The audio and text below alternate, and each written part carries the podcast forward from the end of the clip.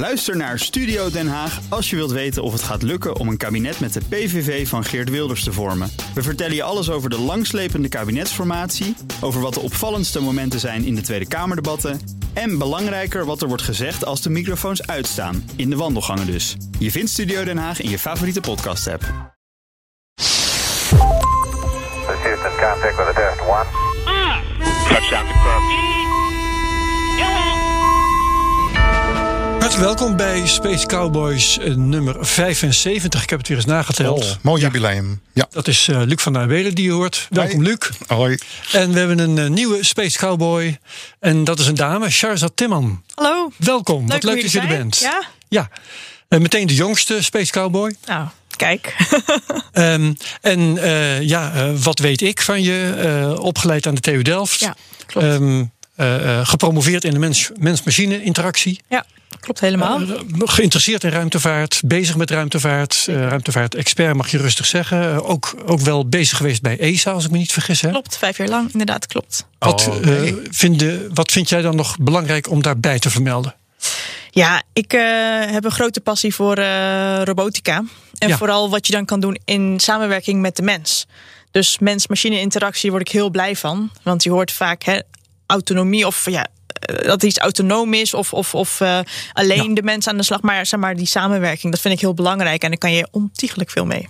Leuk. Nou, dan ben je op een ontzettend goed moment eh, erbij gekomen kijk, met, met de robotarm. Dat, eh, Ja, nou ja. ja, zeker. Had niet beter gekund. Fantastisch. Ehm, ik stel voor dat we eventjes eh, elkaar vertellen wat we aan onderwerpen hebben meegebracht. Sharzad, wat eh, wil jij ons vertellen vandaag?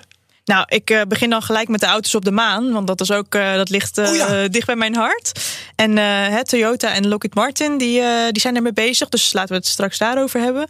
En ehm, het, ja, het ruimtestation is natuurlijk bijgestuurd deze week. En dat was even spannend. Maar misschien kunnen we het daar ook over Ja, want er was een, een, een ruimtesloep, noem ik maar even. Die, die, na, Nou, nee, dan nou, doe je tekort hoor. Nee, dit is. eh, Maar die was op, op hol geslagen. ja, ja, precies. Twintig jaar geleden zou je dit een ruimtestation hebben eh, genoemd. Oh ja. Maar nee, een module die aan het International Space Station Ja. is vastgemaakt. Een Russische. Maar leuk, Sharzad, dat je begint over die ehm, auto's op de maan. Ja. Want ik las van de week een stuk in de New York Times. Mhm. Hè, allerlei dingen in de ruimtevaart zijn tegenwoordig 50 jaar geleden. We hadden de landing op de maan dus onlangs 50 jaar geleden. En de Apollo 13 met die eh, Mhm. ellende die ze onderweg hadden 50 jaar geleden.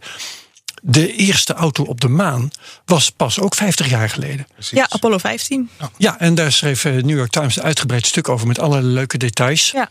Dat ik bij me heb. Dus Oh, leuk. eh, daar ga ik dan eh, jullie meteen ook over lastigvallen. Super. Ik heb er zin in. Luc, wat heb jij? Ehm, nou ja, toch nog eventjes naspreken over eh, de commerciële ehm, ruimtevluchten van Branson en Bezos.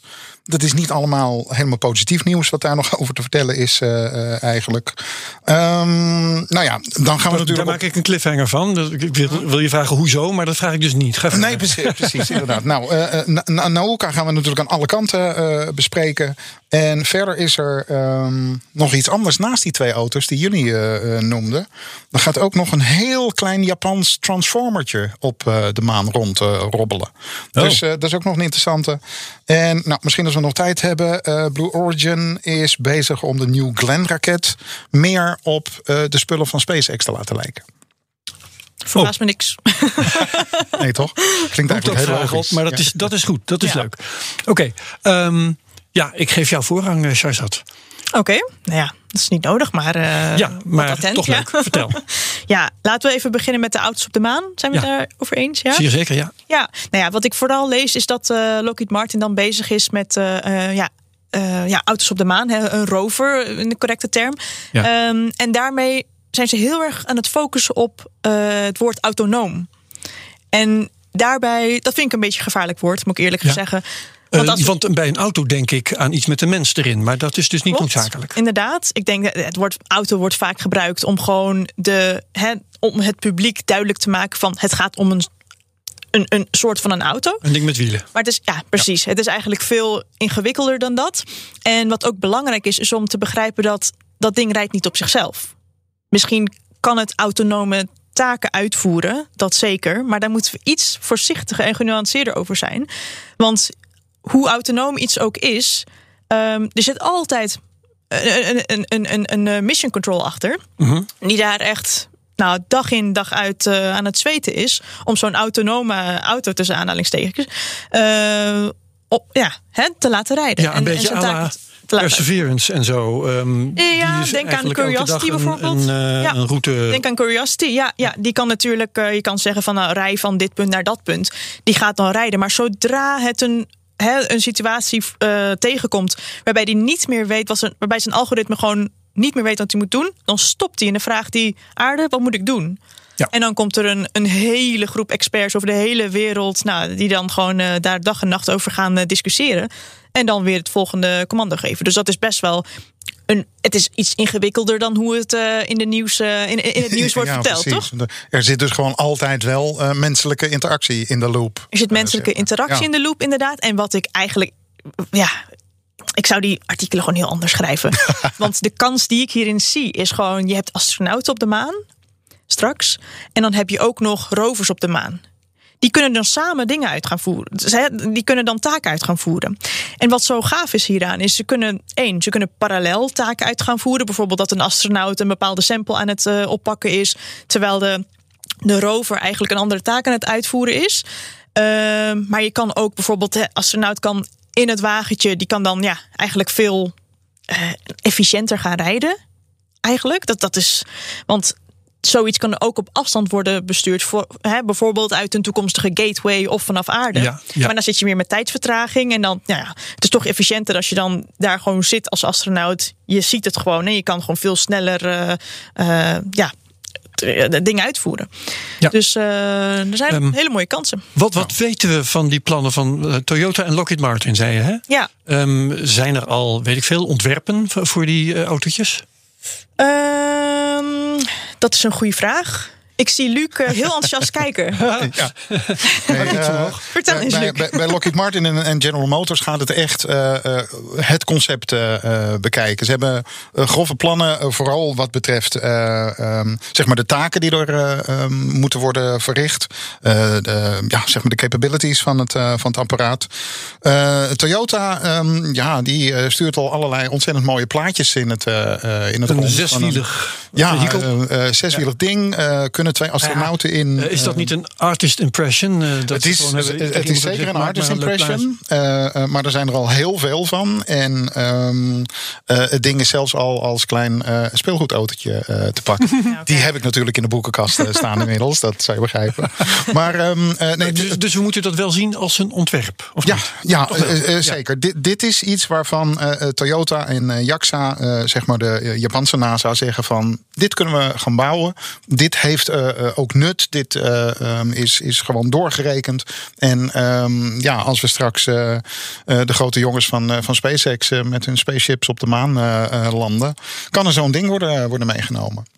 Ja, door NASA. Is dat het idee? Want Ehm, dat zou kunnen. als Toyota Ehm, het bouwt, maar- dan is dat Japan. En Ja, maar in- Japanse ruimte. Die werken Ja. samen natuurlijk. JAXA, NASA, die, hebben, Ja. die werken voor, op, ja, op heel veel missie, voor heel veel missies werken ze samen. Dus ik het zou me niks verbazen als ze dan zeggen van oké, eh, hè, de SpaceX komt met, eh, met eh, de Human Lander. En dan komen jullie met de rover bijvoorbeeld. Dat Ja. zou heel goed Ja, ja. kunnen. Precies. En eh, nou ja, als het even mee zit, kan die inderdaad aan boord van die, van die landen zelfs mee. Ja, en, en is Ehm. het dan een ding dat qua afmetingen gewoon past in een. eh, eh, Ja, dat, dat moet lukken. Eh, zes capsule meter lang, slash vijf raket? meter breed, vier meter hoog. Eh 13 kub eh, eh, aan, eh, aan leefruimte. Dus ehm, ik denk dan wel dat je er dan ook gelijk bent hoor. Eh eh, eh, boterhammen en schone eh, onderbroeken, die kunnen dan waarschijnlijk niet meer mee. Maar dit, dit, dit moet, eh, moet in één keer eh, eh, kunnen.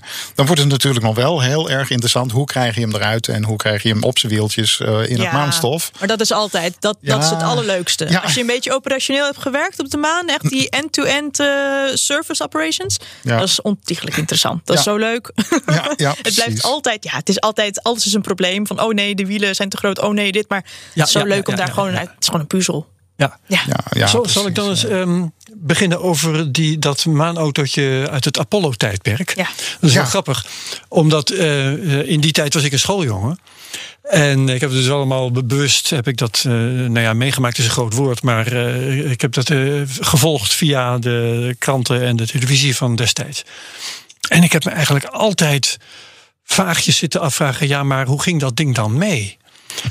En ehm, want ik kon me dat niet zo goed voorstellen. Ik wist wel dat die capsule vrij klein was. Daar konden met een beetje persen konden daar alleen eh, twee eh, gasten in. En eh, ik zag verder ook niet echt. Maar ik, ik heb dus nu net uit de New York Times heb ik geleerd dat het een opvouwauto was. Dat ding, dat was wat, ik, ik eh, bewonder altijd IKEA met Ja. hun pakketten. hè. Ja, Ze precies, Een, een, een meubel ontworpen en nog zo ontworpen dat je dat in elkaar kunt zetten. In elkaar kunt Deze- en, en- ook nog zo dat het in een rechthoekig geheel past. Het is een puzzel van formaat. Ja. Maar dat hebben ze dus.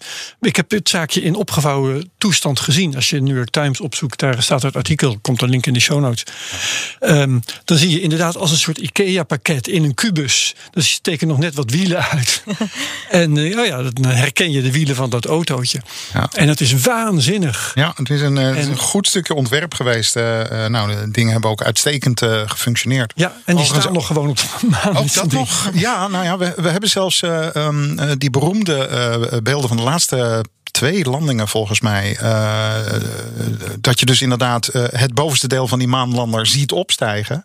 Ja, Dat werd gedaan met een camera die op die auto's eh, zaten. En ook daar weer heb je de mens in de loop die zo belangrijk is. Ja. Want eh, ja, je ziet het ding opstijgen en eh camera tilt mooi mee. Maar die werd dus vanaf de aarde bestuurd. Live. Rekening houdend met die seconde eh, eh, vertraging. Dus Ja, dat ja. was echt een stukje ehm, eh, van de, van de cameraman eh, ja, ja, ja. daar. Nou, het leuke is ook dat er eh, één keer wat schade is geweest aan een van die eh, eh, Lunar Rovers. Ehm, een spatbord was afgebroken door en, de en een tussen twee haakjes, het was dus inderdaad gewoon een autootje. Hè. Ze zaten Ja. er met z'n tweeën in stoeltjes. Ja, volgens mij en- waren het eh, tuinstoeltjes niet. Ja, Volgens mij was het, zoiets. Het was inderdaad zo, simpel als een, Een tuinstoeltje. framepje met Ja. wat, met zo wat textiele eh, banden. Ja, Ja. het moest natuurlijk allemaal zo licht zo mogelijk licht mogelijk, zijn. natuurlijk. Echt iedere gram telt. Dat zo gaat het natuurlijk. Vooral als je naar de maan gaat. En het grappige maar, is, ja. in mijn herinnering, ik zou gezworen hebben dat het ding een stuur had.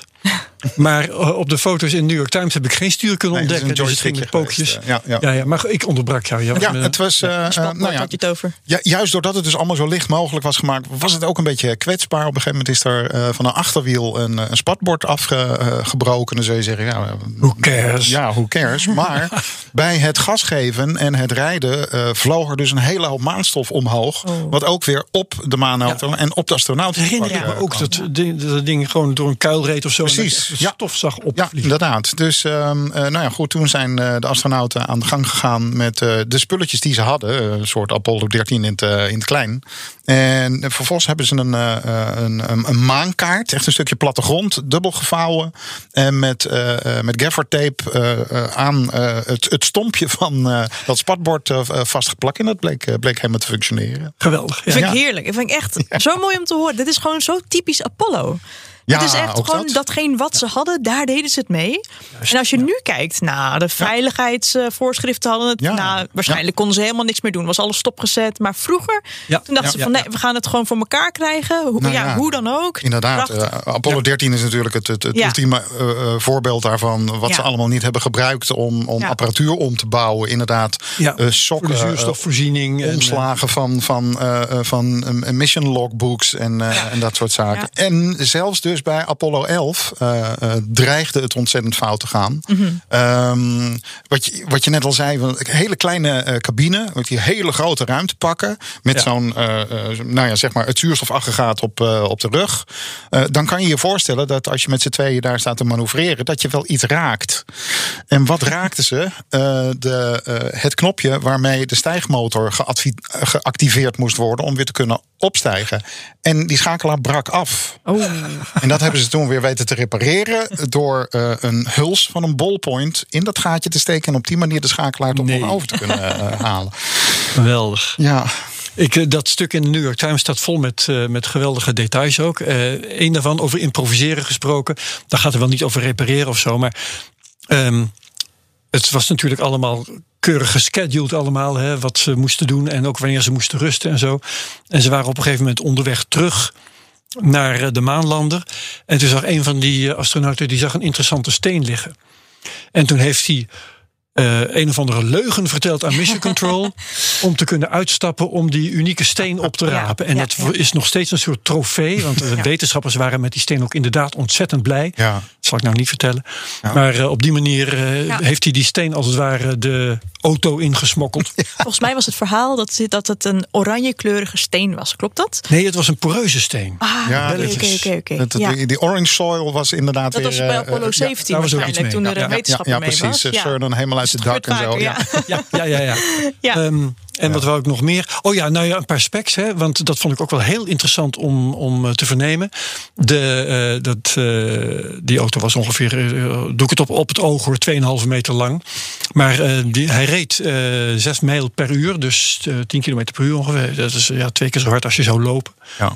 Maar de afstanden die ze aflegden, die mochten niet groter zijn dan wat ze terug zouden kunnen lopen. Ja. Voor het geval er Ja. onderweg iets zou gebeuren en ze terug zouden moeten lopen. ja, Ja. maan ANWB is er niet. Dus Overigens zijn ze, ja, je moet het zelf kunnen oplossen. Ja. eh, als ik het goed begrijp, eh, het eh, ding is dus drie keer eh, mee geweest. Of ze drie keer hebben, hadden ze zo'n ding bij zich. Ja. Ehm, naarmate eh, ze meer vertrouwen erin kregen en alles goed, goed bleef gaan, zijn ze wat meer risico gaan nemen. Dus toen werden de afstanden wat groter. ja, precies. Maar ja, en dan kwamen er ook steeds meer samples terug natuurlijk. Want dan kan je steeds Ja. meer... eh, ja, dus dat was wel En bovendien, eh, nou ja, niet bovendien, maar voor mij wel heel belangrijk. Het leverde, het leverde schitterende foto's op van Ja. een ruig maanlandschap met hele grote bergen. En als Ja. je dan inderdaad inzoomde op een klein zwart stipje, herkende je daar de maanlander in. Oh dus dat, dat, dat geeft een klein beetje het idee van wat die gasten hebben gezien. Ja. Van potverdikkie. Dat was eh, home. dat is home. En Ja. eh, eh, daar moeten we straks weer mee, eh, mee de aarde terugvliegen. Dus ja, niet ja. uit het oog verliezen. Ja, Ja. fantastisch. ja, Absoluut eh, briljant verhaal. Dus eh, goed, de, de maanauto. Dat Ja. we nog veel mogen volgen. Ja, precies. Ehm, waar gaan we mee verder? eh? Ehm, nou, aan, aanhakend daarop, Ja. eh, een ander klein. Nou, het is niet echt een auto, een, een, een, een rollend vehikeltje. Ook weer van, eh, eh, van de Japanners. Dit keer in samenwerking met Tomy. En Tomy is een speelgoedfabrikant. Oh. Ehm, ze, ze willen om eh, al heel vroeg onderzoek naar de, de, de gesteldheid van, van de bodem van de maan te kunnen doen, stellen ze een, eh, ehm, eh, een klein bolletje voor. Wat als een transformer kan uitschuiven. Dan wordt het een soort eh, ja, een beschuitrol, zeg maar. En dan rollend over het, het oppervlak kan samples kan gaan Ja. doen en weerstand testen. je binnen en, in en een of ander motortje dat het zwaartepunt verlegt? Of zo? Ja, ja, iets dergelijks. Ehm, nou, volgend jaar moet het eigenlijk al, al op de maan liggen. Via een, een commerciële lander van iSpace. En ja, nou ja, je, je zult begrijpen dat ik natuurlijk niet kan wachten tot het moment dat ook dit ding als speelgoeddingetje eh, Precies. Als het dan toch al. eh, Een soort van als, een eh, BB-8 is het dan, toch? Als het eh, ja, rolt ja, over ja, ja, inderdaad. Ja. Iets, iets, nou ja, goed, het zal er wat, wat minder Spielberg uitzien. eh, programmeerbaar ja, precies. Nou, ja, ik vond het een ontzettend opvallende dat inderdaad een, een speelgoedfabrikant daarbij eh, ja, wordt, eh, wordt betrokken. Dus eh, Ja. ja. nou, dat was nog even mijn Gaaf. aanbrander. Ehm, en Charles, jij wou het hebben over ehm, ja, het ongeval dat we hebben gehad eh, eh, Ja. daarboven. Nou ja, het is goed gekomen gelukkig. Maar het was wel even spannend. Want eh, dit soort, ja, dit maak je niet eh, ieder nou ja, jaar mee eigenlijk. Eh, Waar ik onmiddellijk aan moest denken, Ja. ehm, dat was natuurlijk 2001, A Space Odyssey. Mhm. Waar ehm, ook iets misgaat met een, nou, ja, ik noemde het dan een ruimtesloep, dat mag niet van Luc. Nee. Maar, eh, dat was eh, ehm, de ruimtesloep Betty, die op een gegeven moment op hol slaat. Maar misschien kun jij gewoon vertellen wat er is gebeurd. Ja, volgens mij eh, is het best simpel of, eh, hoe, hoe het fout is gegaan. Zeg maar Nauka die had natuurlijk al wat problemen met, eh, met het koppelen. Uiteindelijk is hij gekoppeld. En volgens mij drie uur later, kijk jou even Ja. aan Luc. Drie uur later dacht hij opeens, oh, volgens mij moet ik hier weer weg. Maar hij zat gekoppeld, dus die thrusters die gingen aan. En ja, je hebt natuurlijk wel over een heel groot ruimtestation, maar je hebt maar een klein beetje trust nodig om daar beweging in te brengen, want het is de, het is de ruimte. Ja. En eh, ja, het ruimtestation ging daar hierdoor draaien. En dat is eigenlijk wat je gewoon echt niet wil hebben. Dus eh, Nee. volgens mij is ja, Mission Control is heel snel samengekomen. Zowel de Amerikanen en de Russen die zijn heel snel samengekomen. En die hebben dus tegengas moeten geven eigenlijk. Dat is eh, simpel eh, gezegd. Volgens mij hebben ze dat gedaan door eh, een progress, eh, de progress thrusters en ook van een Russische module, Ja, een andere Russische module inderdaad de thrusters aan te zetten. En om dat hè, te verhelpen. En volgens mij zeiden Ja. ze dat het zo lang doorging totdat de brandstof op was. brandstof van de, Ja. inderdaad, van de primary fuel supply, volgens mij van Nauka, totdat dat op was. Ja. Wauw, want hij, hij hield er spontaan mee op. Dat heb ik dan weer gelezen. Maar dat is- zou dan, zou dan eh, geweest zijn omdat... een de, de, de, de Ja, een peut was er doorheen. Dus eh, Ja, eh, ja, ja, ja. nou ja, het. Ehm, nou, dit, dit, dit is nogal een verhaal hoor. Ja. Ehm, ehm, op het moment dat het allemaal gebeurde, eh, verklaarde NASA van nou, het valt allemaal wel mee. Het station is eh 45 graden uit zijn eh, positie eh, eh, gekomen. Later was er een update eh, eh, op Twitter. Ehm bla bla. Further analysis showed total attitude change before regaining normal attitude control was 550 degrees. Ja, dus meer dan een hele ronde... Ja. Precies. Ja, ja. Ja. Nou ja, ehm, we hebben natuurlijk allemaal met samengeknepen billen eh, eh, naar de lancering van Nauka gekeken. Omdat er regelmatig iets met protonraketten mis is gegaan. Dat ging allemaal goed. Vervolgens is er een, een, een hele reeks ellende eh, geweest. Eh, koersantennes die niet zouden zijn uitgeklapt. Ja. Eh, vervolgens eh, ehm, was er een storing in het brandstofsysteem. Waardoor de hoofdmotoren niet gebruikt konden worden in het begin. Ehm, nou, iedereen helemaal in de zenuwen. Twee weken geleden heeft Space Cowboys erover gehad van nou, ja, koppeling staat voor eh, eh, 29 juli gepland, maar dat zou allemaal wel eens later kunnen, kunnen worden. Eh, wonder boven wonder hebben ze de boel toch aan de praat weten te krijgen. Eerst met de standregelraketjes eh, ehm, de boel een klein beetje in een hogere baan gekregen. Vervolgens hebben ze door kennelijk het oplossen van softwarefouten de hoofdmotor eh, aangekregen. Ehm, Dat er iets niet deugde, hadden we het hadden we het twee weken geleden ook al over. ja, ja, precies. Maar toen, toen was inderdaad alleen koers leek het probleem te zijn. Nou, vervolgens ging de koppeling zelf ook niet helemaal vlekkeloos. De laatste meters zijn met handbesturing eh, door eh, eh, een Russische cosmonaut gedaan. En vervolgens eh, eh, nou, leek alles eh, goed te gaan. We hebben de prachtige beelden van de koppeling eh, gezien. Was allemaal live eh, te volgen. En inderdaad, zo rond het moment dat voor het eerst het luik naar de nieuwe module werd opengedaan, eh, begonnen de motoren eh, te vuren. Ja.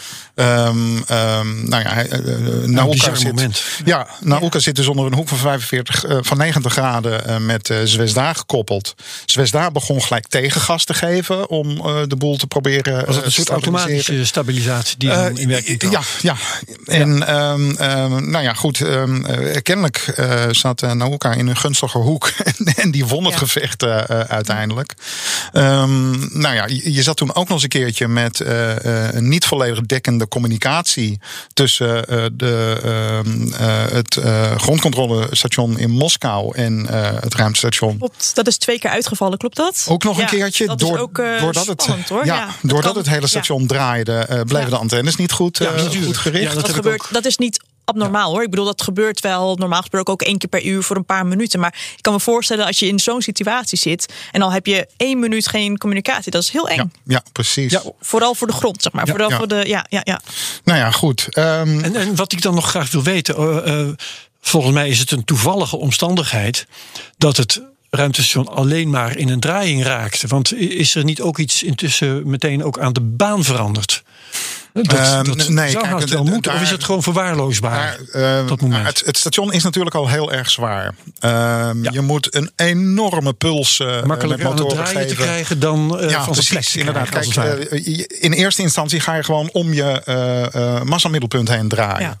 Ja. Om in een hogere baan of een lagere baan te komen, moet je echt enorm veel motorkracht hebben en precies in de goede richting eh, sturen. Dus qua baan is er gelukkig niets, eh, eh, niets veranderd. Maar ja, wat nu wel blijft, is een behoorlijk laconieke eh, eh, reactie van Roscosmos. Ja. Die zegt van nou, alles is in orde. Er is geen, geen onderzoek nodig. Gewoon een foutje geweest. Dus, ja, want, want mijn vraag zou zijn, waardoor is dit gebeurd? Inderdaad. ja, zeiden ze ook niet dat het een eh, menselijke fout is geweest? Ehm, ja, Is dat niet wat ze, hè, het laatste bericht Maar- dat kwam? eh, Ja, dat het een menselijke dat, fout is? d- ik schaar dat bijna een beetje onder. eh, ehm, dat is lekker makkelijk. Ja. We kunnen iemand, eh, iemand de schuld eh, eh, geven bij Ja. alle grote problemen Ja. die er in de Russische ruimtevaart zijn, eh, zijn geweest. Wordt gezegd van ja, nee, is een menselijke fout. ja. En eh, kijk, het, het, het, eh, de wrevel die er nu een beetje ontstaat, is dat eh, Roscosmos eh, al een hele tijd volhoudt van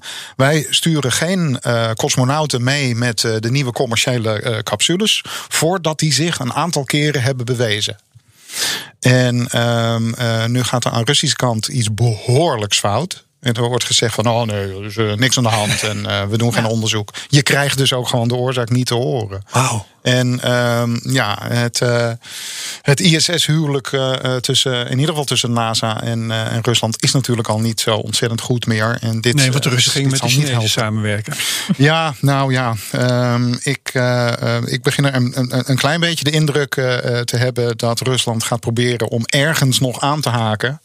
Want eh, ja, de lancering van Nauka is de, de laatste van een groot Russisch ruimtevaartuig eh, geweest En voorlopig. eh, overigens denk ik, eh, als ik dan vooruit denk naar die samenwerking tussen de Russen en de Chinezen. De Chinezen hebben ook geen zin in flauwekul, volgens mij. Die zijn ook meer van alles heel goed regelen. Ja. En, Ja, en geen genoegen nemen Nou ja, het met is, eh, over menselijke fout. Als je nu inderdaad eh, eh, kijkt naar, naar wat er allemaal gelukt is het afgelopen jaar aan de Chinese kant, is dat gewoon een, een bewijs dat hun kwaliteitscontrole dik en dik in orde is. En bij Ja. de Russen is precies het tegenovergestelde aan de hand.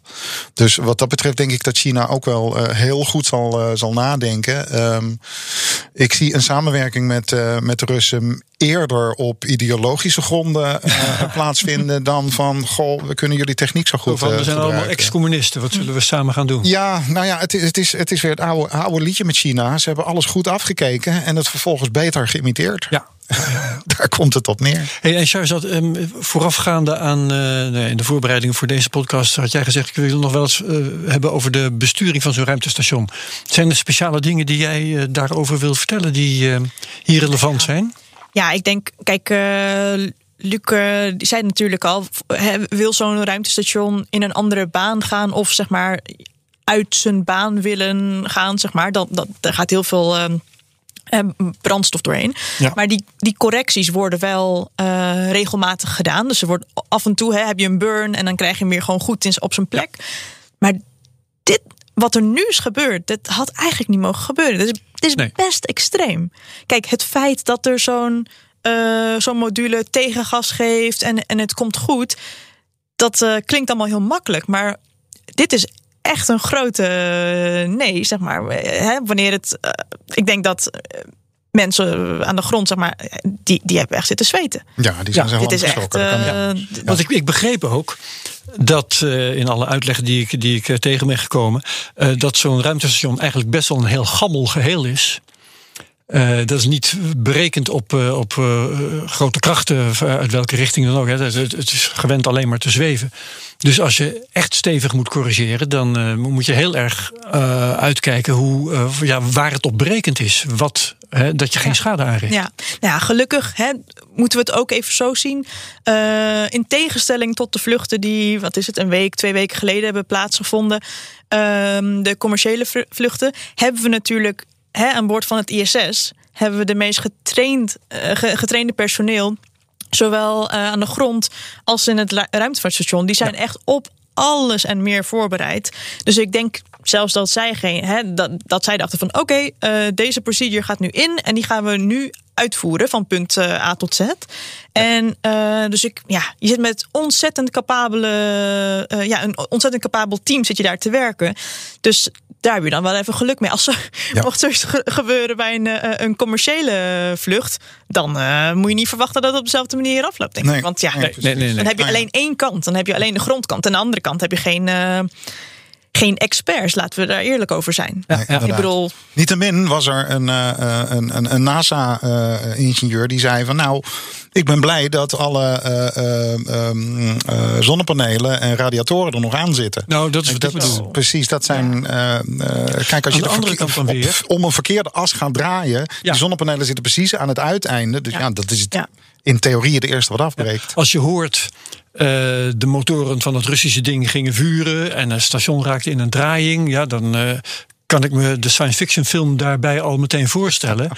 Um, maar ik uh, begrijp dus dat het ging om een, een rotatie van, ik geloof, een halve graad per seconde of iets dergelijks. Ja. En dat is iets wat je dus als je erin zit eigenlijk niet merkt. Dat, dat is ook wat er wordt gezegd. Dus de astronauten was... hebben niets gevoeld nee, van, de, uh, van de manoeuvre. Het was niet dus merkbaar. Wat dat betreft valt het, uh, valt het enorm. Dus natuurlijk, het hoort niet te gebeuren en de ja. gevolgen waren Zeker groot. Die, ja, die antenne was niet meer gericht en zo, geen communicatie, dat is allemaal vervelend. Maar het was niet dat de boel nou nou zat te schudden à la Star Trek. nee, Nee, gelukkig dat, niet. eh, Nee, nee, nee, nee, nee. nee, dat maak je alleen maar mee als je een botsing in je mini hebt. Maar eh, Ja, bijvoorbeeld. Maar laten we ook eh, kijken naar hè, het eerste deel van wat er fout ging. Nauka dat, hè, dat, dat moeizaam eh, koppelde aan ISS. We hadden daar wel de era in.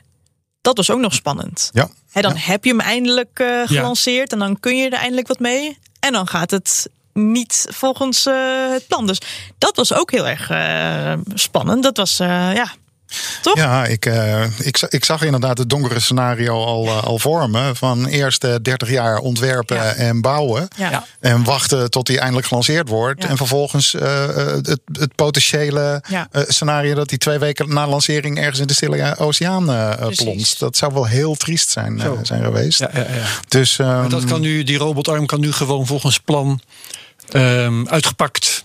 Ja. En, Nou ja, er zullen eh, vast wel vertra vertragingen Ja, zijn. Hè? Ja, andere. nou ja, goed. Het, het, het, eh, er blijven ook al, gelijk allerlei stekeligheden eh, eh, zijn.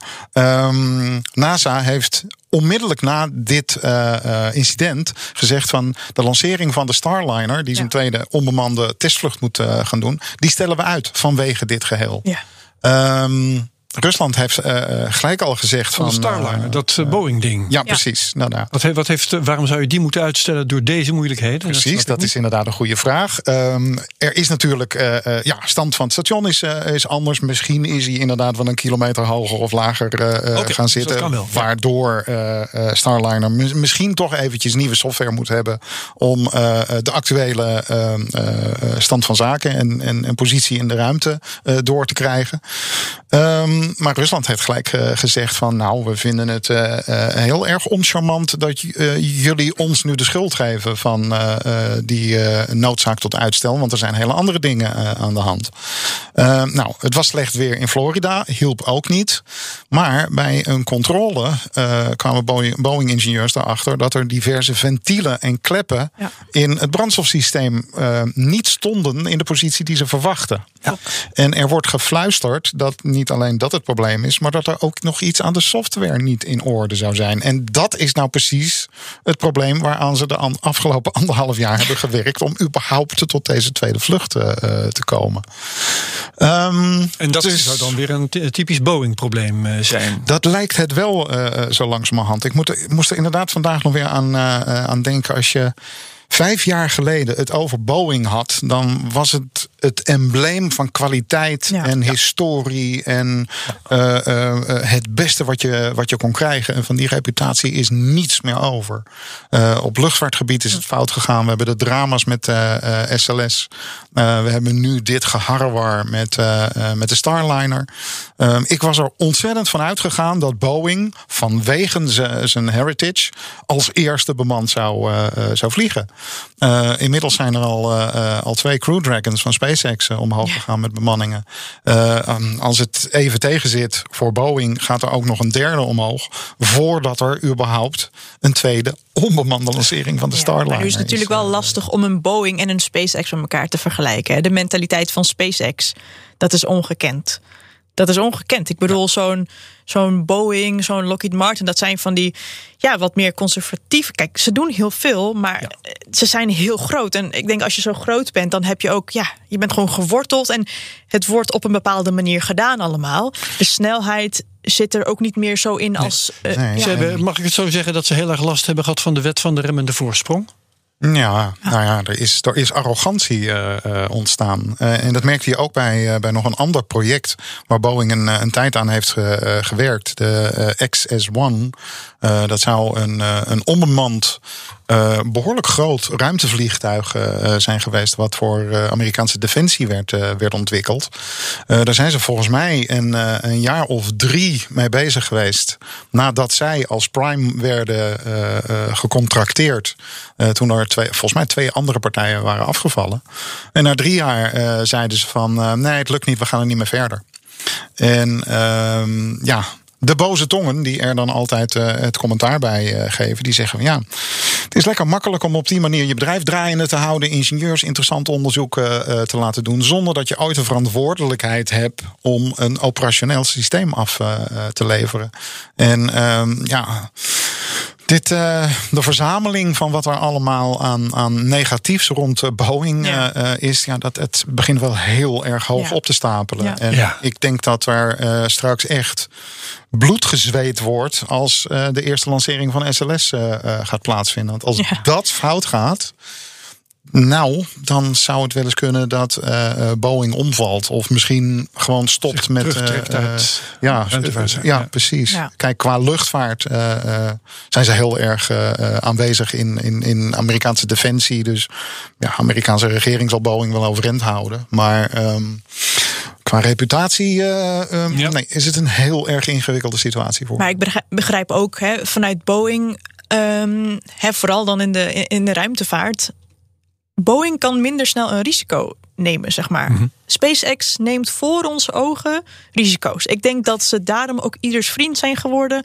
We kijken daar graag naar, weet je wel. De, Zeker, ja. je, je hoopt altijd, je zit daar met gekruiste vingers van... ja, het, als het maar goed gaat, als als, het maar goed lukt. gaat, als het maar goed landt. En dan is er een explosie. En, en dat gebeurt keer op keer op keer vanaf het begin. Ja. Vanaf de eerste lancering hebben ze het aangekondigd. Hè, van, vanaf de CEO.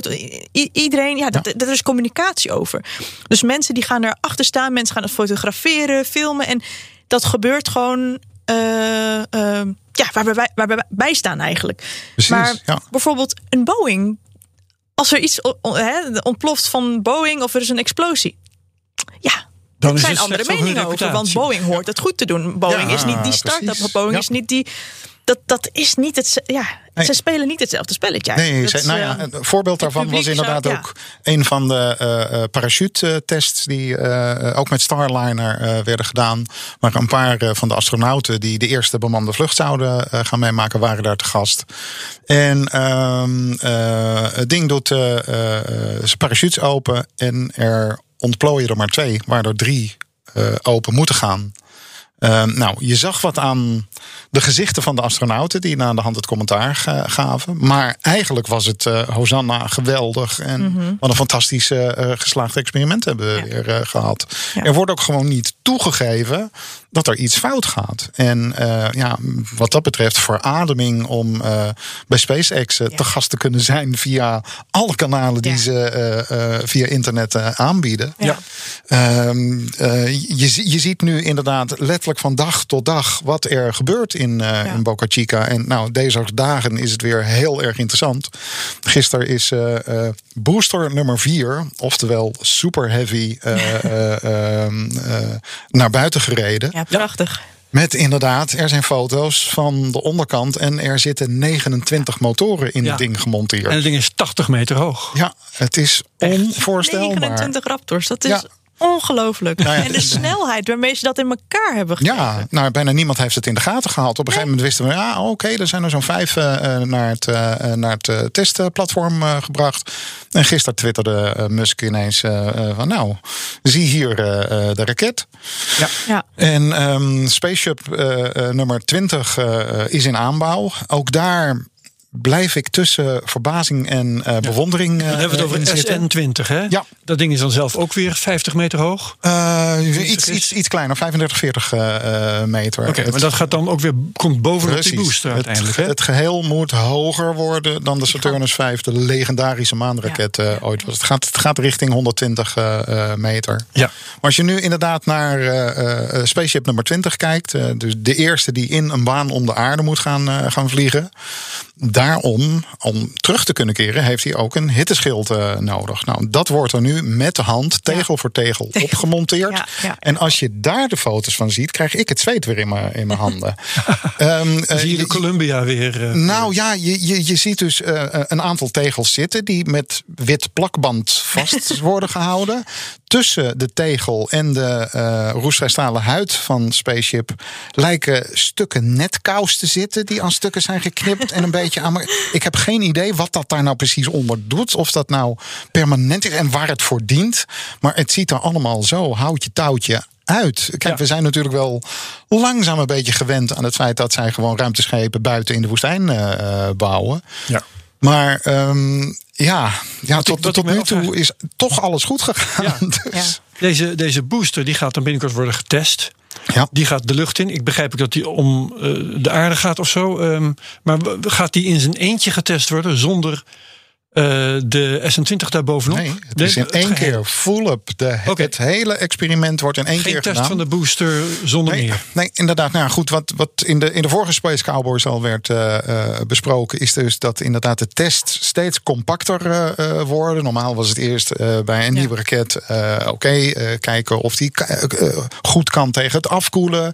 Kijken of die tegen druk kan. Dan vol tanken en kijken of het niet lekt. Voordat je naar een motortest gaat. Nou, nu het is neergezet, boem, gelijk, eh, gelijk motortest. Ehm, ja, de volgende keer wordt. eh, eh, ik kan me niet anders voorstellen dat ze wel wat motorentesten gaan doen met, met die 29 stuks. Want ehm, ja, hoe vaak maken we het mee dat er een lancering uitgesteld wordt omdat er even iets mis is met een motor? Ja. Ja. Dat zijn de raketten waar hoogstens negen motoren in zitten. ja, precies. Dit is drie keer zoveel. Ja. Ehm, dus de kans dat er één motor eventjes zich niet lekker voelt op het moment dat je een test eh, eh, doet, is vrij groot. Dus ik denk wel dat er een iets uitgebreidere testcampagne gaat, eh, gaat komen voor, eh, eh, voor deze booster nummer 4. Maar ja, vervolgens zetten ze Spaceship er bovenop en gaan we gewoon vliegen. En, En, en, en die ehm, 29 motoren, ehm, is het erg als daar eentje van niet helemaal lekker werkt? Hoogstwaarschijnlijk niet. Dat, dat was zelfs al zo bij de Saturnus 5. Als er eentje uitvalt, dan Ja, brandt de rest wat feller Ja. of iets langer. Ze gaan naar 32, hè? Ja, Uiteindelijk willen ze er 32 onder hebben. Maar wat mij vooral heel erg. Ja, ik vind dat zo, ik vind dat zo bijzonder. Hoe snel ze dat voor elkaar hebben gekregen. Ja. Was het nou niet de binnen, binnen 24 uur of binnen. eh, het was echt binnen een dag, denk ik, hebben ze dat allemaal.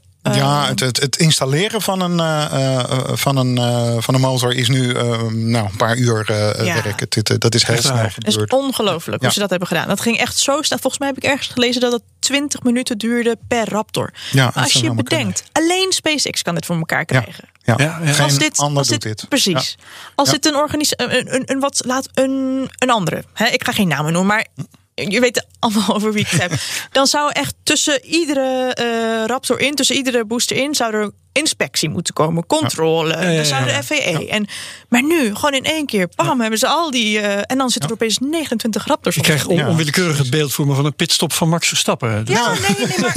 Inderdaad. even. Ja, ja, ja. Op zo'n manier gaat het gebeuren. En ja, nou ja, eh, eh, het is heel grappig hoe. eh, ehm, eh, er zijn zo ontzettend veel accounts die eh, alles volgen. Ja. Twitter en Ja. YouTube. En, Chica Girl van en alles. Ja, precies. Ja, ja, ja. En eh, er zijn mensen die echt zijn gaan houden van eh, de Raptor eh, engines. Ja. Ja, wat dat betreft is het dan wel heel pijnlijk om je te realiseren dat het uiteindelijke lot van al die motoren eh, nogal eh, ehm, eh, prozaïs is.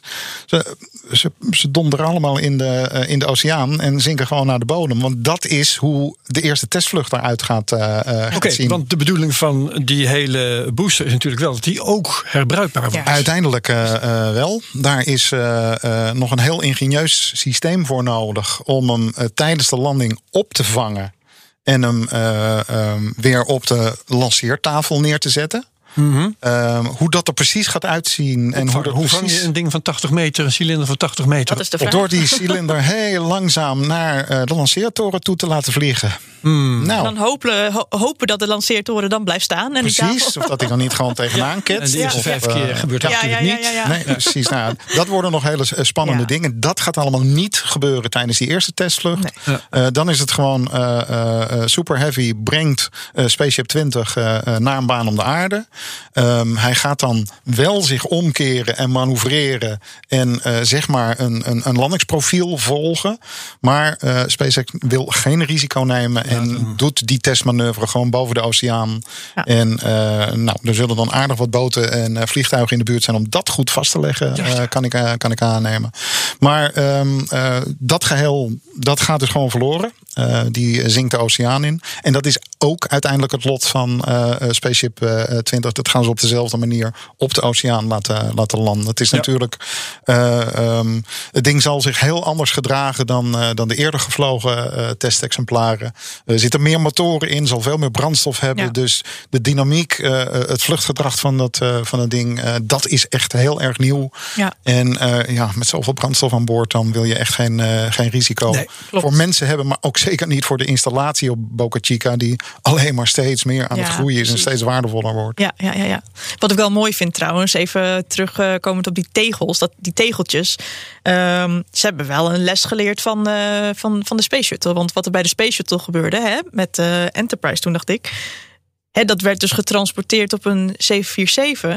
Maar de helft Ja. van die tegeltjes die vlogen eraf. vielen toen. eraf. Die vielen eraf. Dus ik vind het wel mooi dat ze nu gewoon ter plekke, ja, hoe, ja, hoe klungelig het er ook uitziet. Maar ja, duct tape is je grootste vriend. eh. ja, dat is, eh, nou ja, het is. Kijk, nogmaals. Schaam je de- niet voor duct tape. De details eh, on- ontbreken nog, maar het, het, het lijkt er inderdaad op dat eh, er hier gekozen is voor een systeem waar je de, eh, het tegeltje uiteindelijk gewoon vastschroeft Ja. aan het metaal. Vastschroefd. En eh, ja, met de Space Shuttles, eh, het was trouwens Columbia waar je het over had, Ja. de eerste die, Ja, ja, die uiteindelijk heeft gevlogen. Eh, ja, dat was allemaal die eh, verbindingen met, met, met vilt en dat er op elkaar plakken en, en dat soort zaken. Ja, dat, eh, dat bleek niet het, eh, eh, het, het, het meest solide systeem eh, nee. uiteindelijk. Oké, Ehm, wat ik eh, nog eventjes wil bespreken, en dat sluit eh, mooi aan op eh, ongeveer alles wat we tot nu toe hebben besproken. Ehm, de maanlander, eh, waarvan we hier de eh, procedure wel een beetje besproken hebben, wie mag hem gaan maken? ja. Uiteindelijk eh, is dus eh, SpaceX als enige overgebleven. Waarbij Jeff Bezos natuurlijk knarsetandend eh achterbleef. Ja. En die heeft daar ook geen genoegen mee genomen. Die heeft een eh, beroepsprocedure ingesteld bij de Government Accountability Office, de GAO. ja, En die heeft uitspraak gedaan. En Jeff Bezos heeft ongelijk gekregen. dat klopt. Eh, er is eh, bepaald dat eh, de, de, mm, NASA geen onredelijke beslissing heeft genomen. Daar komt het eigenlijk in het kort op neer. Ja. En die beslissing die blijft dus staan. Dat klopt. Ja, Jeff Bezos die was ervan uitgegaan dat er twee partijen zouden worden geselecteerd. Ja. Maar NASA die heeft laten, laten weten van nee, wij, wij hebben het recht om ja, twee, één of nul partijen te selecteren. En ze hebben er één geselecteerd. En ja, hele logische reden, redenen eigenlijk. Ze hebben gezegd, nou ja, SpaceX, die, ze waren gewoon onder de indruk van de innovatie. Dat is heel wat, hè, als NASA dat eh, daarvoor uitkomt. Vind ik heel bijzonder. Ehm, maar het zijn we het allemaal wel mee eens, denk ik. En het was goedkoper. Ja, bovendien, eh, meer, eh, meer geld was er niet. Er, Nee. kon, er kon maar één contract eh, gehonoreerd worden. Want ja, in, in het hele verhaal van, van Artemis en de financiering daarvan. Alles gaat inderdaad naar de raket en de bemande ruimteschepen. En Ja. die lander, ja, die moet nog maar een keertje op een eh, namiddag eh, Ja. worden gebouwd en betaald, lijkt Precies. het. Volgens mij was NASA ook heel blij dat er twee airlocks waren. Dat er zoveel ruimte was voor de payload eh, Ja, B. ja, dat, zo'n zo'n unit wil je toch ook gewoon graag aanschaffen. En ja. Ja, zeker. Nou ja, Bezos is nogal ver gegaan. Die, die heeft op een gegeven moment gezegd van, tegen NASA van... joh, ik geef jullie 2 miljard korting als eh, eh, eh, ik nog een contract krijg. En ik wil allerlei onderzoek zelf Ja. financieren. Maar ehm, ja, tot op dit moment lijkt het niet gelukt. Nee, nee, nee. Hetgeen niet wil zeggen dat die ploeg niet misschien toch gewoon doorgaat. Ehm, Ja, dan Want- gaan ze gewoon zelf op de maan landen. Precies, Ja. inderdaad. Kijk, straks kan je in het gekste geval misschien ook gewoon wel een Super Heavy van SpaceX kopen. Ja. eh, om datgene te lanceren wat jij op de neuskegel wil, eh, eh, wil zetten. Ja, Zo kun je Dus- alle combinaties maken. ik bedoel, zo precies, simpel is het precies, eigenlijk. Precies. Dat, eh, Is de eh, vraag of ze dat willen natuurlijk. Hè? Ja, Anders wordt het nou ja, Blue Origin goed, powered by ehm, SpaceX. Dat ja, wel, eh, ja. Kijk, als, we- een soort space race Ja. krijg je dan. Ja, Ja. kijk, als, we, eh, als er echt nog eens een, een doorbraak in, in, in denken en, en filosofie komt van jongens, samen komen we twee keer zover. Ja, je weet het nooit. Ja. Eh, als, je, als, je, als je kijkt wat er de afgelopen vijf jaar gebeurd is en veranderd eh, is, ja, durf ik niet te zeggen dat dat niet Nee. gaat gebeuren. In ieder geval was eh, Jeff Bezos had dus eh, Blue Origin had twee argumenten. Eén was, hey jongens, jullie zouden twee eh, winnaars aanwijzen. Ehm, daarvan is gezegd, eh, Maximaal dat twee, had, ja. NASA had wel een voorkeur uitgesproken, maar had dat niet toegezegd. Dus dat heeft dat GAO eh, bepaald. En verder, verder ging het ook over de, de redelijkheid van de keus van eh, NASA. En eh, ook daarvan is bepaald dat de NASA geen onredelijk eh, beslissing heeft genomen.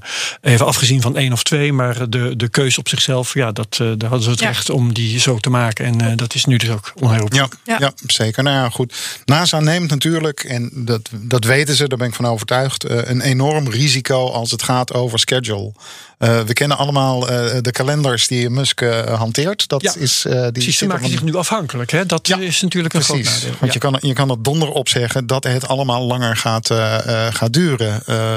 Dit voorjaar, zei Musk, voor 1 juli vliegt Spaceship 20 op Super Heavy. Ja, dat is niet gebeurd. En dat, dat kunnen we in misschien de komende twee maanden wel, eh, wel verwachten. Maar eh, ja, de, de tijdlijnen van Musk die zijn beroemd en, eh, en berucht. Dus ehm, nou ja, wat dat betreft is er het geluk dat eh, eh, die, eh, dat mandaat van eh, landen op de maan in 2024, eh, Ja. dat, dat is echt gewoon al lang van de agenda. En eh, ze zullen gaan landen als, eh, als de hardware daarvoor klaar is. Maar weet je, er is helemaal niks mis mee, hè? Dat hij daar zo'n haast achter, of zeg maar, dat hij van die, hij weet echt wel wat hij doet. Hij geeft dan aan 2024. Tuurlijk weten we allemaal, oké, we zitten nu, dat is over drie jaar, hè? Dat is echt snel. Maar het feit dat hij dat gaat roepen, dat zet Blue Origin eh, aan de startblokken, maar ook voornamelijk de overheden, hè? NASA, ESA, JAXA, al het CSA, al, al, al die eh, overheidsinstanties, al die ruimtevaartorganisaties, die denken dan: ho, ho, ho, ho, wij moeten er achteraan rennen. Ja, zeker. En dat is zo gezond. Wat je, hè, als je dat ziet in de afgelopen zoveel jaar in de, in de ruimtevaart. Er er is echt tempo ingekomen. Ja. En ik denk echt dat Elon Musk gewoon daar eigenhandig gewoon een grote bijdrage aan heeft eh, hè, gehad. Want het is echt iedere keer, nou, 2024. Of, en of het nou lukt of niet, je krijgt toch dat idee van... oh, oh jongens, we moeten wel echt opschieten. En dan wordt het misschien 2026... Wat maakt dat nou uit? Weet je, Ja, ik bedoel, nee, dat maakt uiteindelijk is iedereen eh, ja, meer in eh, de ruimtevaart gaan investeren, sneller gaan handelen. Ja, dat is alleen maar gezond, denk ik, voor die Ja, industrie. precies. Nou ja, hij heeft, hij heeft echt die Amerikaanse benadering van ik, eh, ik gooi mijn pet over de schutting. Ja, dan moet ik er wel overheen. Ja. En eh, eh, ja, hoe snel het dan gebeuren, gaat gebeuren. En je dat, verwacht dat, het van dat hem, zien we wel. Ja, je verwacht zeker. het van hem, Nou ja. dat hij van die eh, te gekke tijdlijnen heeft en de Ja, planning eh, ja, dat ook allemaal dat. krap is. Het past en, helemaal bij hem. ja. En de nou ja. tolerantie, hè, zowel voor inderdaad dit soort zelfoverschatting als ook voor de fouten die er gemaakt die is gigantisch. En ja, eh, Ja, er wordt hem veel, veel gegund inderdaad. Dat Nou ja, hij is, eh, hij is onlangs eh, 50 jaar eh, geworden. Heeft een groot feest in Boca Chica eh, gegeven met veel, eh, veel vuurwerk. Het enige waar ik al bij stilsta is... ik hoop dat hij niet te veel hamburgers eet. Dat hij een beetje gezond leeft. En dat hij inderdaad gewoon 85 eh, gaat worden. Want op en het niet als moment... Steve Jobs bij 55 de hulp houdt. Ja, of gewoon eh, vroeg, eh, vroeg sterft. Want als hij er niet is, is de droom weg. Dat is waar. Dan eh, het is... Jij dat ook, Charlotte? Dat vind ik ook. Ja, dat denk ik echt. Want hij is echt persoonlijk, is hij echt. eh, ja, hij, hij draagt de boel wel hoor. Niet alleen SpaceX trouwens. Nee, nee, nee, nee, zeker. nee, nee, nee. Zeker. Ja.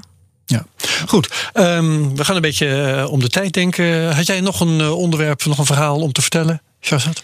Even denken. Kijk Luc even aan. Anders Luc. Ja, Terwijl ik ik heb er ook nog eh, eentje in elk ben. geval. Oh, Ja, ja, ja, precies. Nou, een paar, een paar kleine dingetjes. Eh, goh, het gaat weer over Blue Origin en SpaceX. Ehm, Blue Origin ehm, is, eh, zoals we we- weten, al een hele lange tijd bezig met de grote raket die uiteindelijk voor het eerst de spullen van eh, Blue Origin in een baan om de aarde moet, moet brengen. Daar zijn zij de New Glenn voor aan het ontwikkelen. Eh, grote raket waar we weinig van, van weten. Ehm, wat er nu naar buiten druppelt zijn eh, verhalen over een, eh, een intern project wat Jarvis wordt eh, genoemd. Om de tweede trap van New Glenn herbruikbaar te gaan maken. En daarvoor, wat een verrassing, roestvrij staal te gebruiken. Zoals SpaceX ook, ook al doet. Ja. Ehm, dus ja, wat, wat dat betreft, ook hier weer de, in- de invloed van SpaceX. Iedereen is ervan overtuigd dat uiteindelijk de enige manier om op een logische manier aan ruimtevaart te doen, is compleet herbruikbare eh, lanceersystemen. Nou, dan eh, was er nog, eh, nog wat gedoe eh, rondom de commerciële ruimtevluchten. die Bezos en Branson hebben, hebben gedaan. Wat mij opviel is dat er ontzettend veel kritiek is gekomen. Ja. uit allerlei hoeken van mensen die zeiden: Oeh, rijke luis gedoe. Dit heeft niets met wetenschap te maken. Waar dient dit voor? Ik moest toen ontzettend denken aan Kill Devil Hills in eh, 1903 op 17 december. Eh, toen twee eh, broers, fietsenmakers van beroep, het voor elkaar kregen om voor het eerst een gemotoriseerd vliegtuig te laten vliegen. Ja. Ehm, ook dat ging toen nergens over. Er was geen noodzaak om het te doen, maar ze wilden het gewoon graag. En ze he- hebben het zelf gefinancierd en het is er gelukt.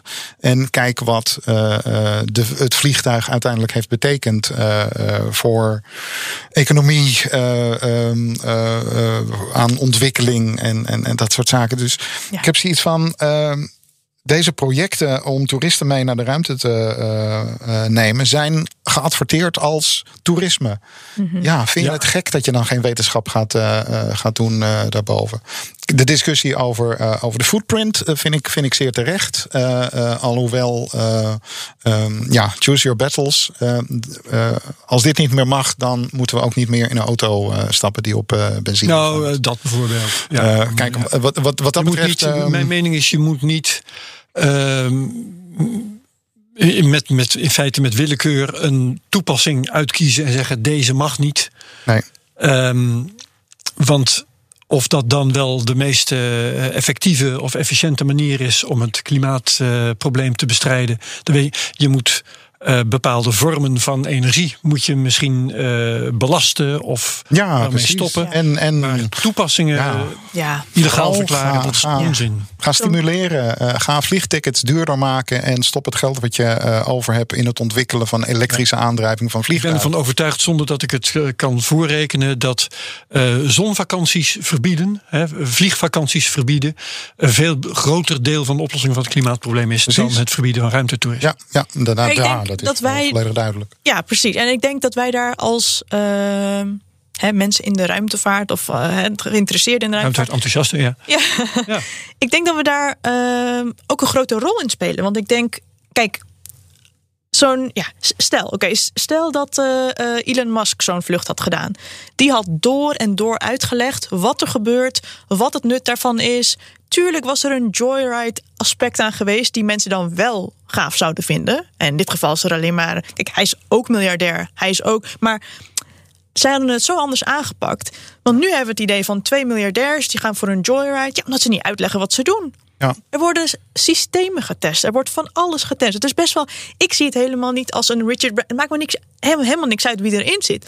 Het gaat. Ja, natuurlijk is het leuk als een Nederlander in zit eh, met een eh, Blue Orange. En dat is heel tof. Dat vind ik leuk. Ja. Ehm, maar het is veel belangrijker wat er allemaal wordt getest. En er is weer, hè, er is weer een nieuwe, eh, nieuw toestel voor het eerst getest. Eerste flight test. Waar mensen in zitten van een nieuw toestel. Dat is heel belangrijk. Ja, zeker. Dus dat het informeren van het publiek en wat er nou eigenlijk gebeurt, waarom dit zo belangrijk is, dat is. Hè, en als wij dat weglaten, of nee, als zij dat weglaten, moet ik zeggen. Dus het, ehm, dan gaan mensen speculeren en dan gaan ze alle redenen bedenken. Inderdaad, het footprint, maar ook van waarom stop je dat niet, dat geld niet in de armoede? Alsof. Hè, alsof dat geld, als het niet naar de ruimtevaart gaat, als dat wij het dan van de, dat de ruimtevaart het van de, hè, van, van, van de ontwikkelingslanden steelt. Want zo werkt het allemaal niet. Nee. Maar ik denk als wij dan informatie daar weglaten, dan gaat het publiek nadenken. Media, die gaat er allemaal over speculeren. Ja, en, dan krijg speculeren is soms leuk. Hè? Ik weet dat jij van speculeren houdt, maar Absoluut. je moet wel een beetje correct blijven. En Nou, vooral op dit soort. eh, ja. Ja. Zo, zo, zo, zo heb je een hele. Heb je al die negatieve berichten, inderdaad. Dat is Ja. jammer. Nou ja, wat dat betreft komt er misschien een herkansing. Want Musk heeft wel degelijk een kaartje gekocht. Ja. Hij gaat met Branson eh, eh, vliegen. Ja, ja, Wanneer weten we niet. Ja. Maar dat gaat wel gebeuren. Met Dus, SpaceX kan hij niet in elk geval. Hè? Dus, eh, Eh, eh, eh, nee, nee, nee, de concurrentie te raden. Ja, ja. Nou ja, laatste dingetje nog over eh, eh, die ruimtetoeristen. Eh, ze hebben allemaal mooie speltjes gekregen. eh, eh, wings, maar geen officiële. niet hè? van de eh, Federal eh, Aviation Oh, eh. Authority. Ehm, nou, het is dus grappig. Op zo rond de, de dagen dat eh, eh, de, de vlucht van, eh, eh, van Blue Origin eh, plaatsvond, eh, heeft de eh, eh, FAI de regels aangescherpt om jezelf astronaut te mogen noemen. Hebben ze dat om deze reden gedaan? Het zou mij niet verbazen. Ehm, Gemeen van ze. ja, nieuwe, nieuwe regel is nu: je moet eh, een taak hebben, een bijdrage brengen. Ja. Je- het, Een moet een soort wetenschappelijke testvlucht taak, eh, zijn. En eh, eh, nou, dus geen officiële astronaut wings natuurlijk. Die hele discussie loopt nog steeds 80 kilometer, 100 Die kilometer. hoogte, ja, Ik heb zoiets van: laten we dat nou anders benaderen. Ehm, ruimtevaart wordt door de meesten gedefinieerd als in een baan om de aarde zijn. Nou, daar moet je een bepaalde snelheid voor hebben. Als we het nou eens gewoon op die snelheid definiëren, dan ben je van alles af. 28.000 kilo- kilometer per uur, dan ben je in een baan om de aarde, dan mag je jezelf astronaut noemen. Oké, maar dan telt het opstijgen dus niet. Dan telt zo'n korte paraboolvlucht, eh, zoals Branson en Bezos hebben gedaan, telt Nee, gewoon nee, niet Kijk, mee. het, het, het, het offer is eh, eh, dat we inderdaad de ruimtevaartgeschiedenis dan een klein beetje moeten aanpassen. En de Ja. eerste twee Amerikaanse astronauten zouden dan geen astronauten meer zijn. Er zijn zelfs mensen die zeggen van ja, je, je bent pas Heb je het dan over Shepard en Glenn? Shepard en Grissom. Oké, En eh, eh, sommigen zeggen van je, mag jezelf pas ruimtevaarder noemen als je één volledige cirkel om de aarde hebt gemaakt. Ja. Pro- het historische probleem daarbij is dat Yuri Gagarin dat niet heeft gedaan. Die heeft net niet een volledige orbit eh, gemaakt. Om die uit de hi- historieboeken te schrappen gaat mij net ja. iets te ver. Ja, Dus Maar het, het term astronaut is toch eigenlijk best wel gewoon duidelijk. het bedoel, toch, heeft toch iets associatie met een beroep? Ja, ik denk dat het heel simpel is. Als je getraind bent Ja, om ja. al die dingen te kunnen doen. Kijk, daarom vind ik het zo eh, kort door de bocht dat zo'n Bezos zegt: ja, we're trained. En dan heeft hij het over een persoon die een week voor zijn vlucht eh, een telefoontje krijgt. eh, Ja, je kan mee. Je, je kan mee. En dan we're trained? Nee, helemaal niet. Kijk, Ja. Nee, je het zet de sluizen ook open. Iedereen die dan straks een kaartje koopt, die krijgt die astronaut wings. Dat, dat wil je uiteraard niet, zou ik zeggen. Dat devalueert. Je training gaat waarschijnlijk over, eh, oké, hoe ziet het toestel eruit? Wat kan je allemaal doen? Wat de doen alle knopjes? Die kan je eh, nooit eh, ja. aanraken trouwens. En hoe gaat de deur? eh, hè, je krijgt, je wat simpele... Ja, precies. Nee. Maar als je dat ding niet weet te vliegen... Nou, niet alle astronauten vliegen ook een Soyuz bijvoorbeeld. hè, Of, of, of een... eh, zo werkt het ook niet. Maar die mensen worden... Wat is het? Die- Ja, die worden jarenlang basic training. En daarna nog een missiespecifieke training. En dan ben je... Ja, eh, het zijn zulke capabele mensen. Dus ik heb, ik heb eh, ja, met heel veel ESA-astronauten mogen werken natuurlijk. Maar ook Apollo-astronauten mogen ontmoeten. Gesprekken mee hebben. eh, Mogen hebben. En, en, dan, ja, en dan kijk je dan van... Ja, Jeff Bezos is een astronaut. Nee, zo werkt dat niet. En niet, niet omdat hij niet ver genoeg of niet hoog genoeg of niet... Nou ja, Ja. als je er een vraagteken bij hebt... dan is het toch al geen astronaut. ja, Als er nou, niet gewoon misschien al- is dat al goed bedoel- genoeg. Ja. Ja. Oké, we hebben twee mogelijke criteria. Hè. Eh, Opleiding, diploma misschien. Hè. Eh, snelheid. Ehm, dat gaan we officieel indienen. Hè, als, eh, Ja, precies. Mogelijke Nou ja, ik ben heel benieuwd hoe de, hoe de luisteraars eh Die daarop reageren. Wat die ervan vinden. die discussie Dat, die eh, laat het ons eens weten.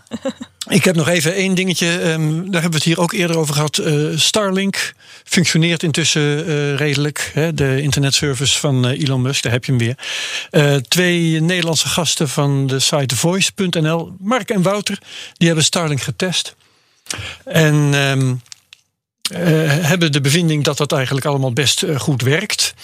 Ehm, even, het is nog wel schrikbarend duur, zeggen ze. Zeker voor eh, eh, mensen in ontwikkelingslanden die daar eh, eigenlijk best profijt van zouden kunnen hebben. Ehm, het belangrijkste nadeel is dat op dit moment nog een geofence geldt. Dus als jij vanaf een bepaalde postcode een abonnement neemt, dan zorgt eh, Starlink ervoor dat alleen in jouw postcodegebied die internetverbinding werkt. Dus het werkt Oh, niet op een rijdende auto. Het werkt niet als je het meeneemt naar de camping in Frankrijk. Oeh, dat is wel lastig. Ehm, ja. Dat zal op een duur misschien wel goed komen, maar nu in elk geval nog niet. Ehm, en er is een probleem, lijkt het, met de warmteproductie. Eh, De schotel gebruikt 180 watt. Eh, en gaat uit als hij warmer wordt dan 50 graden. Dus zet je hem op een dak in de zon. En het is een eh, warme zomerdag. Ja. En eh, de zon staat er ook nog eens een keertje op. En hij werkt. Dan eh, kan hij uitvallen. nou, Dat zijn een paar bevindingen op dit moment van eh, Wouter en Frank van Voice. Sorry, Wouter en Mark was het geloof ik van Voice.nl. goed. Leuk om even door te gedaan hebben. Ja. Mooi. Eh dan ben ik er doorheen. Jullie geloof ik ook. Ja. Mooi zo. Ehm, dan eh, was dit Space Cowboys eh, 75. Dankjewel, Sharzad Timman. Ja. Leuk dat je er was. Leuk eh, om erbij te zijn. Ik verheug me op de volgende keer. Eh, Luc van der Abelen ook hartelijk bedankt. Jo. Iedereen die geluisterd heeft, bedankt. En heel graag tot de volgende keer, tot de volgende Space Cowboys. Dag allemaal.